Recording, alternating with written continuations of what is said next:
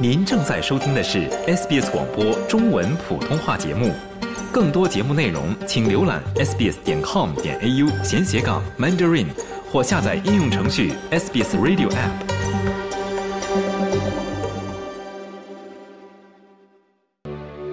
从法律角度看待社会现象，以专家意见指点生活迷津。请听现场说法，现场说法，您了解法律、咨询问题的空间。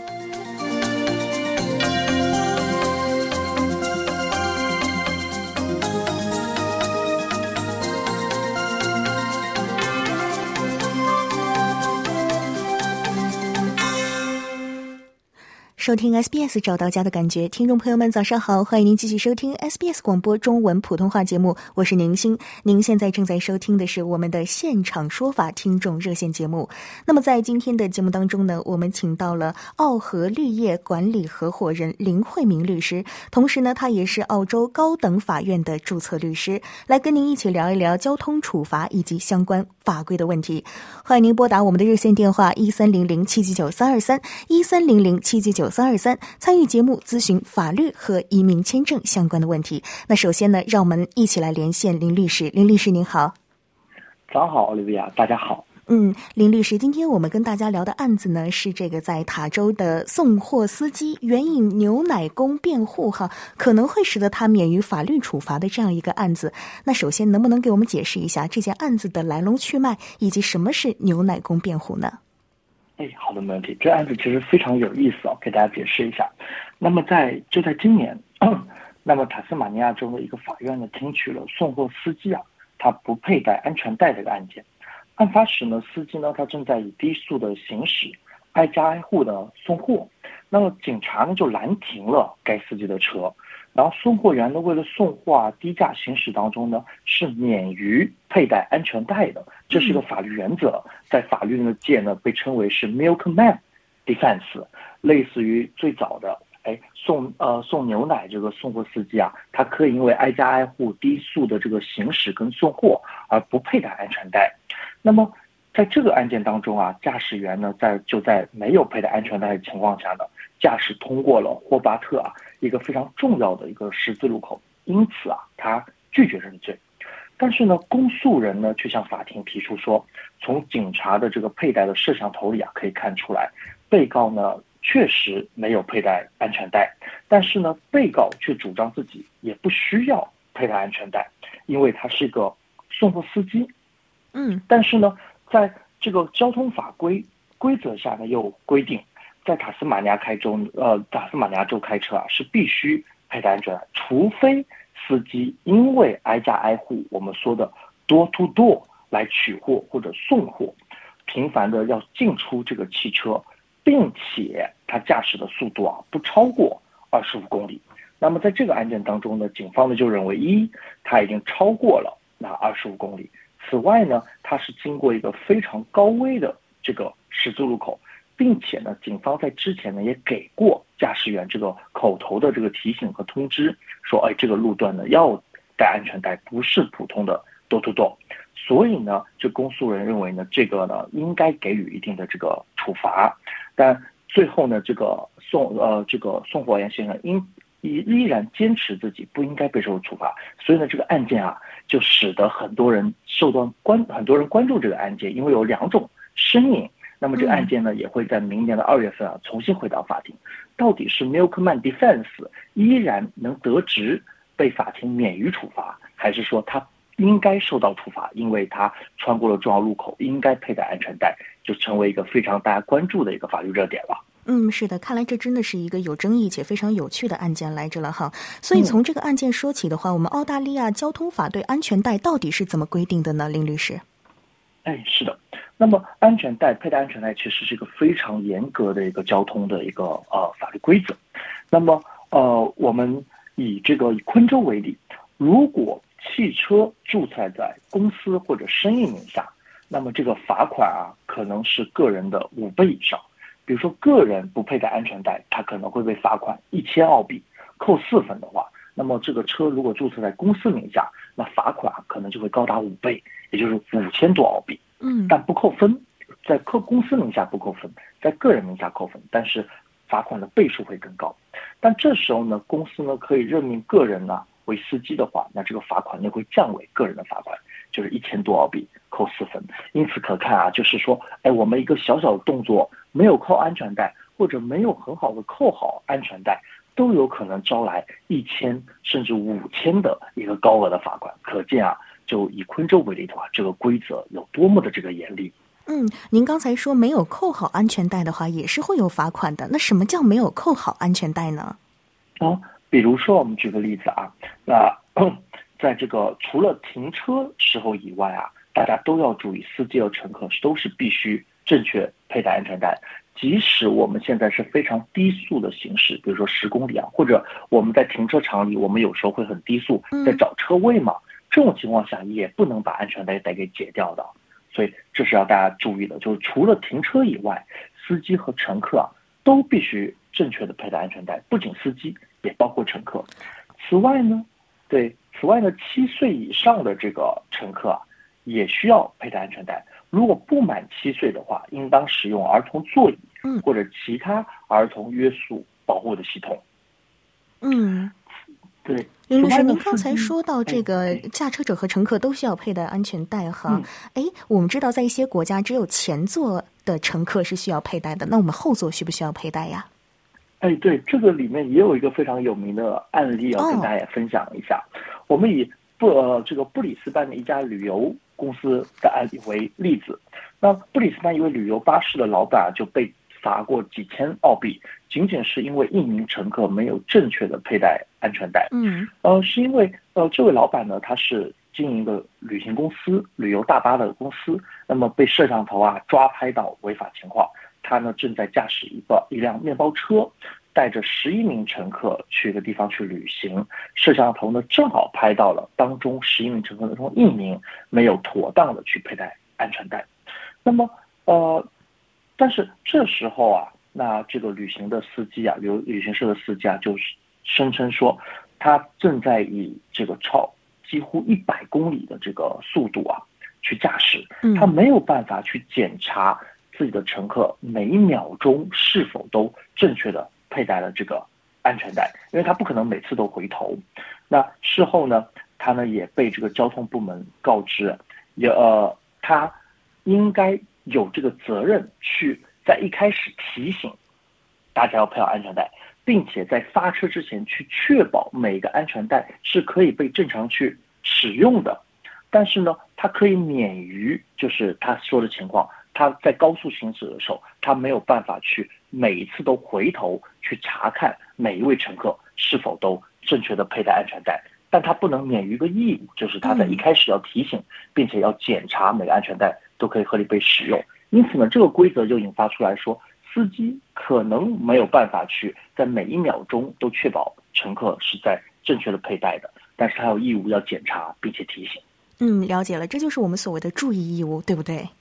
哎，是的，您感受特别准确。嗯，好的，听众朋友们，那接下来呢，我们就接听听众电话哈。我们看到已经有很多听众在线上等待了。不过在接听听众电话之前呢，我们要提醒大家，本节目呢仅供一般性的参考，并无意提供任何个案的法律建议，内容呢受到原作者的原创保护，而且呢，作者与本台明示不对任何依赖本节目的任何内容而采取或不采取行动所导致的后果承担责任。那么接下来呢，我们接听听众电。电话，这位是尹女士，尹女士您好，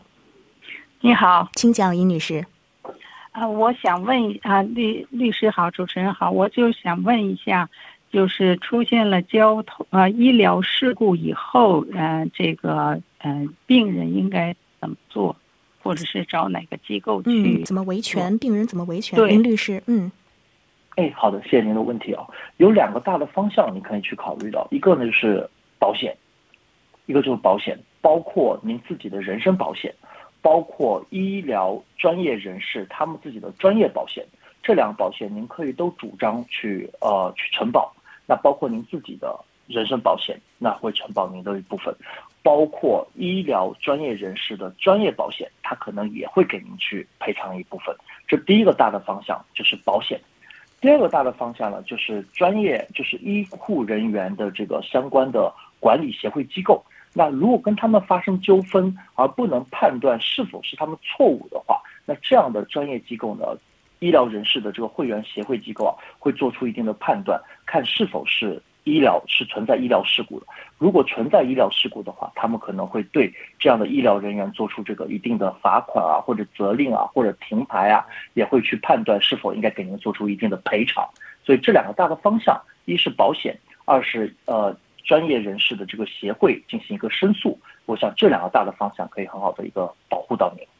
嗯，啊，我我这个有一个问题，就是说这个我没有买人身保险这一条就是没有了。那么医疗专业人士的保险，我应该是找哪个？怎么去得到这个信息？呃，医疗人士的专业保险，原则上持牌的这个医医护人员他都会有。他都会有，这是他持牌去工作的条件之一。那对于您来说呢？您不需要知道他的保险公司是谁。对您来说呢？您可能就需要给他发去您的主张。那通过通过您的律师或者您自己有个您的自己的主张的陈述书发给他之后，如果那他想跟您有纠纷的话，他去涉及到保险的话，他需要把这样的赔偿义务啊告知他的，以及这样的纠纷啊告知他的保险公司，他的保险公司呢会介入。帮助他的这个承保人员，就是医护人员啊，对您做出一个回应。那保险公司呢，也会对于这样的医疗事故做出判断，来进行赔或者不赔。那当然他们会事先跟您说明说，呃，赔，但不一定是代表他们承担他们的责任，但他们也愿意给您做出一定的赔偿跟和解。那同时呢，您也可以把这样的事故申诉给这样的医护人员的这个协会，要求他们进行介入调查和做出一定的判断。嗯，那他这个协会是什么名字呢？哦，不同的州可能名字会有些许的不同哦。您可以通过谷歌或搜索，或者查这个医院或医疗人员的名字，可能会获得他们所在协会的这个单位的名字。好的，谢谢李女士哈，祝您顺利。听众朋友，早上好，欢迎您继续收听 SBS 广播中文普通话的现场说法热线节目。那么在今天的节目当中呢，我们请到了澳和绿业管理合伙人林慧明律师，跟您聊一聊交通处罚及相关法规的话题。现在我们的热线电话一三零零七九九三二三一三零零七九九三二三已经开通，欢迎您拨打参与节目咨询法律和移民签证的问题。那么接下来呢，我们继续接听听众电话，这一位是吴先生，吴先生早上好。是我吗？是您，请讲。啊，林律师及这个林老师，两位早安。我的问题两个，第一个是邻居树呢倒压在我后院加建房屋顶，我应如何处理？第二，邻居屋顶的水，下雨水流到车房，车房流到 store room，store room 流到浴缸，满了之后，大致全部流到我这里地方。我应该怎么处理？谢谢。嗯，哎，好的，谢谢您的问题。您的问题呢是非常典型的这个邻居之间的这个呃，他的这个引起的损失啊，给您包括这个树木的树木的倒塌，包括这个水的这个剩下，给这邻居造成这个损失，是个很典型的一个案子。那么原则上呢，这也属于对您这个财产这个侵害，您可以。呃，第一步呢，向他提起这个主张，先去定性您的损失有些什么。比如说，您刚才说到树木倒倒塌下来了，把您的这个呃栅栏啊或者物业啊有进行损失的，您先进去评估，看您的损失有多少，包括它水给渗过来，给您损失造成有多少。第一步呢，您先做这个定损，定损的动作。然后定完损之后呢，您可以先提出向他主张，看他是否去认可。这个定损当中，他承担的责任的部分，他可能会去主张说：“哦，您没有做好一定的防护的工作，使得他这边的水给您造成影响，应该去三七分或者八二分之类的。”但第一步呢，先给他提出一定的主张，看是否双方可以在最小的法律成本的情况下就确定。双方的主张承担以及他的赔偿的这个责任，所以第二步呢，先跟他有一个好的这个沟通。第三步，如果双方不能通过两个人之间的沟通就能达成一定的决定的话呢，您可以通过这个每个州啊不同的这个裁判庭，比如说昆州啊就是 QCAT，维州啊就是 VCAT，呃新州的话就是呃新州的这个 CAT 来去。要求这个民事仲裁，看一下邻居之间的纠纷啊，在这样的仲裁庭里面能不能达成一定的这个裁决。如果能的话，这是个很快的一个方式，来帮助您去拿到一定的这个裁决，来拿到一定的这个赔偿。所以第三步，如果达不成和解的话，可以去不同州的这个仲裁庭去主张。如果仲裁庭还达不成的话，或者仲裁庭您觉得力度不够大的话，这时候您可以考虑委托律师，那进入这个诉讼的这个阶段了。这四个大的步骤跟方向，您看是否可以来帮助您解理清这个后续的思路？嗯。啊，我哎，非常抱歉，我打搅一下。那个树呢，两我们两边呢都是，他比我少三岁，都将近八十岁了。嗯。那么啊，我我是有，我们两个都是 RCV 的那个保。那么保呢，这个我 S 的要交五百块，否则的话，我是我再向 RCV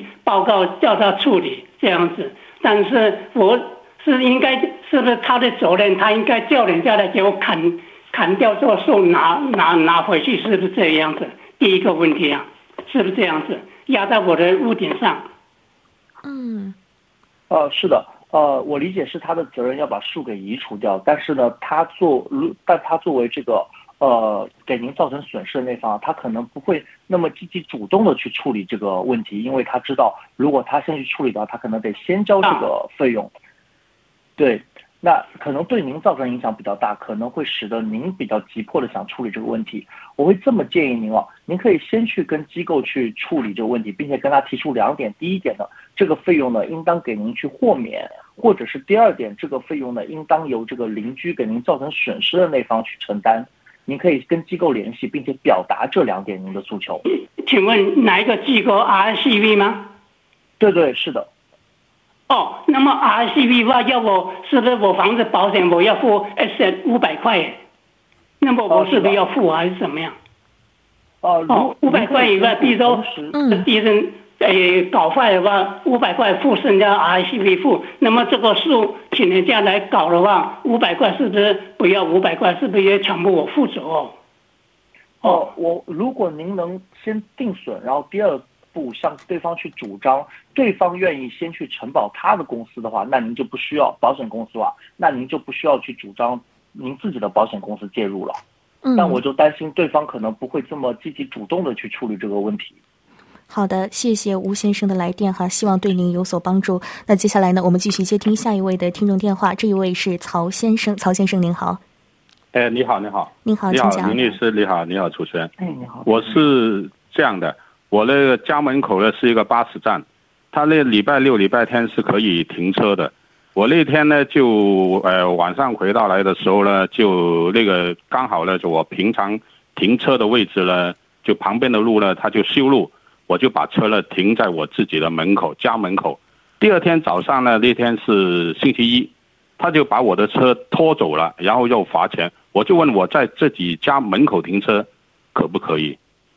哦，我理解您的问题了。啊，曹先生是这样的啊，您家门口那段路原则上它可能不是属于您自己的产权，而是您产权门口必须经过的一段公共的路。那么政府呢，可能在规划的时候把您家门口的那段公共的路啊定性为是巴士车站的通行路，或者巴行巴呃那个巴士的这个停驻的这个呃一片区域。那这种情况下，它可能会有一定的这个。呃，要求这块区域啊是清空的。如果有其他的车辆或者障碍物在这个区域的话，它可能就会动用相关设施把这样的车辆或者是障碍给清除，以保障公共服务设施是能够被提供的。那因此呢，在这种情况下，您可以尝试，如果是第一次啊，您可以先尝试跟这个市政府啊达成一个和解，说哦，呃，这是这您是被迫停在那个位置的，因为旁边在修路，您不得不停在这里，看是否能免于这样的拖车的费用。或者一定的罚款，但之后的话，如果您想，呃，您想改变您门口有个巴士车站，您可能要着重额外再提出一个巴士车站重新定位、在规划的一个申请，这样的话才能把这样的巴士站离开到您家门口。但如果还在的话，可能它那个区域得保障是可以被通行的状态。哦，不是，我这个巴士站我就没想过移开了。我就想知道，就是说，哦，原来他可以求情的，哦，因为我都付了，我钱已经付了，哦哦哦，这还可以这样说的，可以沟通一下。啊，对啊，因为我住了十几年了，还从来没试过。嗯，对，因为您也是有特殊的原因，因为旁边不是您刚才提到在修路嘛，不对呀，他在铺路嘛，啊，是的，嗯，哦好的希望能帮助您谢谢哈，曹哎先生。好的，那么接下来呢，我们继续接听下面一位听众电话，这一位是许先生，许先生您好。哎，是大家好，林律师好，我请教哈，请问你们这个行业哈，是不是比如说有过错疏忽的话，你们必须要哈不承认，然后呢，你们的保险公司才会介入哈？那假如说你们承认过失了，那你们自己要拿钱出来理赔，是不是有没有这种规定？嗯呃，谢谢许先生您的问题哦。那不同的行业或者不同的这个州啊，甚至是同样的一个行业，比如说以律师职业为例，它承保的保险公司可能都会不同。那保险公司不同呢，它的这个保险里面的政策呢就会不同。那呃，我能告诉您的是，我了解的这个职业保险公司当中，无论这样的律师或者是专业人士，他是否承认了错误，自己的错误，他都可以由保险公司来这个 cover 和这个承保他的这个损失和要去做出的这个赔偿，只要他的这个工作做出的范围是保险公司认可的工作范围，比如说律师，哎，我就做法律行业，啊、并且呢，我按照保险公司的指引呢，做了一些跟客户的一些提醒，或者不是做医疗行业，那这种情况下，保险公司就会去承保他的 business，无论他是否是承认或者不承认他的错误。但这个呢，要跟您先，呃，就像刚才提到，是不同的保险公司它会有不同的保险政策，但原则上呢，以不以您是否承担自己的这个过失为一个承保的前提。嗯那变成说哈、这个律师啊，他本身先告诉我说，我们那个呃工程的合约过期无效，然后我才去找我们的管理委员来建啊我们那个工程。结果呢，他现在不承认说，他说，哎呦，我没有办法去控制我的这个管理委员会来建这个东西，但是他本身的过失在先，我才会找管理委员来建嘛。但是现在这个律师他说，哎呦，你呀、这个呃没有办法控制管理委员来建这个，等于说他不承认他的过失，他他这样对吗？呃，他可能会承认或者不承认，这一般是，比如说我们要去告他的话，那我们是我们来主张，我们来举证，去证明他曾经给过我们一个错误的一个建议，并且引起了我们的损失。他可能会在我们做出这样的举证之前，他都有可能保持沉默或者保持否认，因为他没有义务在没有拿到证据的情况下，他就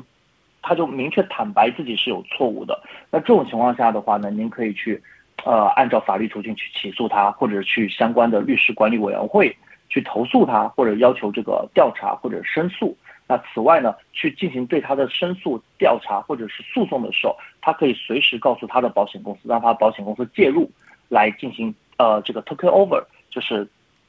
拿走这个案件来进行跟您的这个和解，看是否有和解的这个可能，或者是保险公司也要去应诉。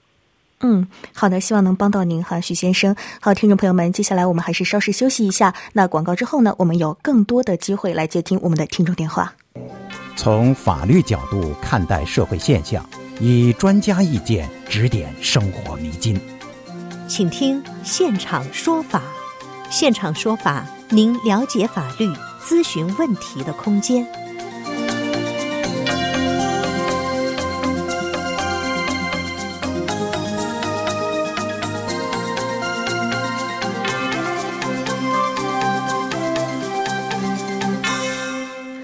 听众朋友，早上好，欢迎您继续收听 SBS 中文普通话现场说法热线节目。那么在今天的节目中呢，我们还是请到了澳和绿业管理合伙人林慧明律师来跟您一起聊一聊交通处罚及相关法规的问题。现在我们的热线电话一三零零七七九三二三一三零零七七九三二三已经开通，欢迎您拨打参与节目。那接下来呢，我们继续接听听众电话，这一位是陈先生，陈先生您好，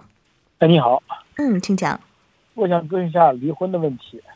呃，离婚判决在一年前已经下达，经过法院下达，在什么情况下可以推翻法院的这个判决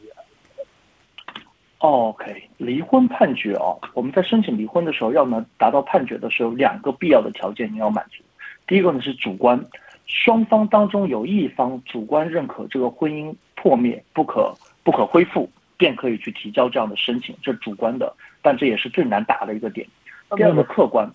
啊，哦，当他判决已经全部下下达完完毕了，离离婚分割我理解。我理解，但但是如果这样判决下达了，我们要推翻这样的判决，我们有两个大的方向，一个是实体，一个是一个是实体错误，一个是程序错误。我刚才讲的那个呃条件啊，就是实体错误当中的第一个，就其实双方没有认为这婚姻破灭了，双方还在一起生活，还有这个感情，还有这个婚姻哦，所以这是实体错误当中第一点，双方这个婚姻和感情关系还存在，并没有认为这个婚姻已经破灭了，这是第一点，但是也是比较难打的一点。第二点就是分居，这点是经常在婚姻这个离婚起诉或者判决被推翻当中都是最被常用到的一点，您可能要着重注意听这一点，就是分居日期。法院要求客观的要分居十二个月，那分居十二个月可以是在同一个屋檐下了，但必须呢是以非夫妻的形式进行一个生活的状状态，比如两个人的这个开销啊，或者生活啊，或者同房啊，都是在分开的这个状态，并且要有证人。如果您可以证明当时的分居。是没有达到十二个月的话，这样的离婚判决也应该被推翻。这实体当中出现的典型的两个错误。第二个程序错误，那如果当时对方是一方申请的，他没有送达过给您，或者他送达当中是有瑕疵的，或者法院判决当中是有瑕疵的，或者开庭的通知当中是有瑕疵的，您依然可以去要求程序错误去推翻这样的判决。所以一个实体一个程序，您可以看一下在整个案件当中是否哪里是有纰漏的。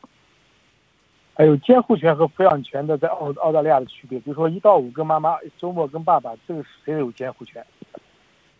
这个跟离婚判决首先是两两个事宜啊，离婚是离婚，抚养权是分开的。如果您对抚养协定，比如说他是五天，您是两天这样的抚养协定表示不满或者要求变更的话，你也可以，这点是随时可以向法院提起主张的，因为孩子也在不断的长大，两个父母的是这个状况也在不断的变化。嗯，那财产呢？财产如果也也也分割完毕了，也判决完毕了，也可以推翻吗？财财产相对难一点，财产呢原则上是要在离婚判决下来之后的一年之内提出来的，但也有一个前提，如果您能证明当时的实体错误或者当时的程序错误，也就是说对方是有隐匿资产的，他还有套房子，他没有拿出来讲。但法律呢要求他必须在判决的时候是把所有的资产真实且完整的披露的。如果能证明他是有隐匿的话，那这样的判决也许也可以重新去申请。嗯，好的，谢谢陈先生的来电哈，祝您顺利。那接下来呢，我们继续接听听众电话，这一位是阿彪先生是吗？哎，是得到我吗？嗯，您请讲。哎，我想问一下交通的问题啊。啊，那天我在集体呢，我怕车的时候呢，我就拿了一个票放在我的车头，然后那个查票的人呢，他没看见，然后就罚了我了。刚好我回去，我就问他你为什么要罚我款？他说你没有 ticket，我就带大带那个人去我的 window 去看，我说这个是不是 ticket？他说是，然后去说你了，他说把那个 ticket 给 cancel 了，但是我回到家的时候呢，那个 ticket 居然。寄到我家里去，我想问一下我怎么办？就是说他这个人是不是他不可以 cancel 的？他是是不是一定要看了出来就一定要寄出去？嗯嗯，了解。我理解你的问题了。对，可能是从他的工作流程当中啊，他一旦开出来之后，他的总部啊或者邮寄的那边，他行政部啊就会把这个信给他发出去。但是呢，您不用太担心，因为您是有实体的证据来证明您对我有那个 ticket，所以我就小心了。对，我小心了，我因为那那么那个 ticket 我就保保存下来了。现在就是说，啊，反正问题说，我看他他先给我那个 photo 啦，他拍了个相片在我的 window 拍了个相片啦，我呃。不是很清楚的，它的相机很差。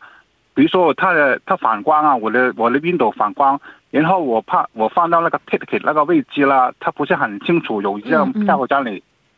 理解，您也不用太担心了，因为您一您是有实体的这个票在您手上，二呢您也是有刷卡记录的，您可以把这两个证据啊。按照这个，他给您发来 ticket 的反面，往往 ticket 的反面是有告诉您怎么去 review 的，去这个呃要求他复议的一个流程的。只需要把这两个证据啊邮件给他，告诉他他当时做出了一个不正确的一个呃这个罚款，那他就会去告诉您他的决定来免除您的罚款。这您不用太担心，您是有实体的证据。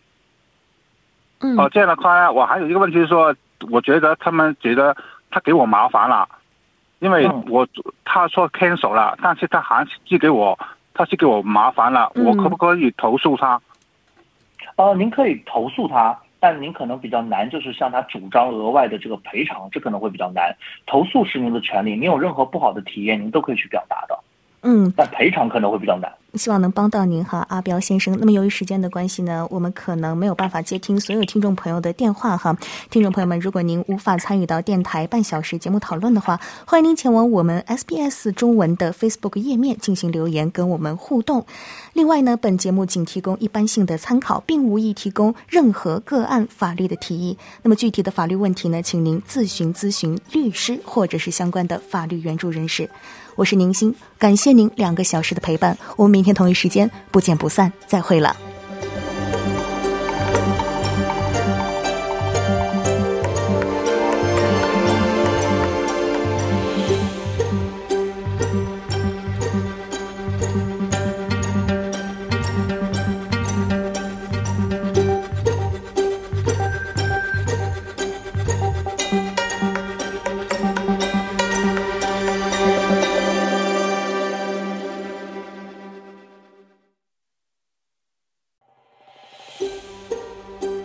听到更多这样的故事吗？您可以通过苹果播客、谷歌播客、Spotify 或者您喜爱的方式下载收听。